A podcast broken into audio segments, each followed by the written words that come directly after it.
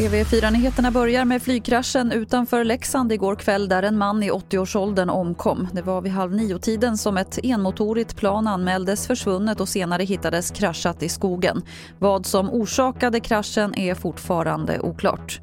Det har varit en livad natt på många håll i Sverige efter att pandemirestriktionerna hävdes igår. Både i Stockholm och Malmö har polisen haft stärkta resurser och flera fall kopplade till fylla har rapporterats in. Men det var förstås också glädje på stan när köerna återigen ringlade sig långa utanför nattklubbarna. Jag är jätteglad att vi äntligen kan öppna. Jag tror vi alla har kämpat för att komma hit och jag tycker vi alla förtjänar att få hålla om varandra och vara nära. För vi människor, vi, vi behöver varandra. Så nu är det kul att äntligen få träffa varandra. Det sa Oliver Arikali Eriksson som är chef på en nattklubb i Stockholm.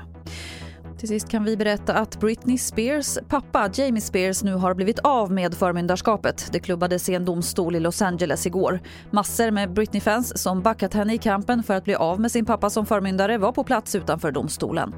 They're corrupt and they've been stealing her life and her money.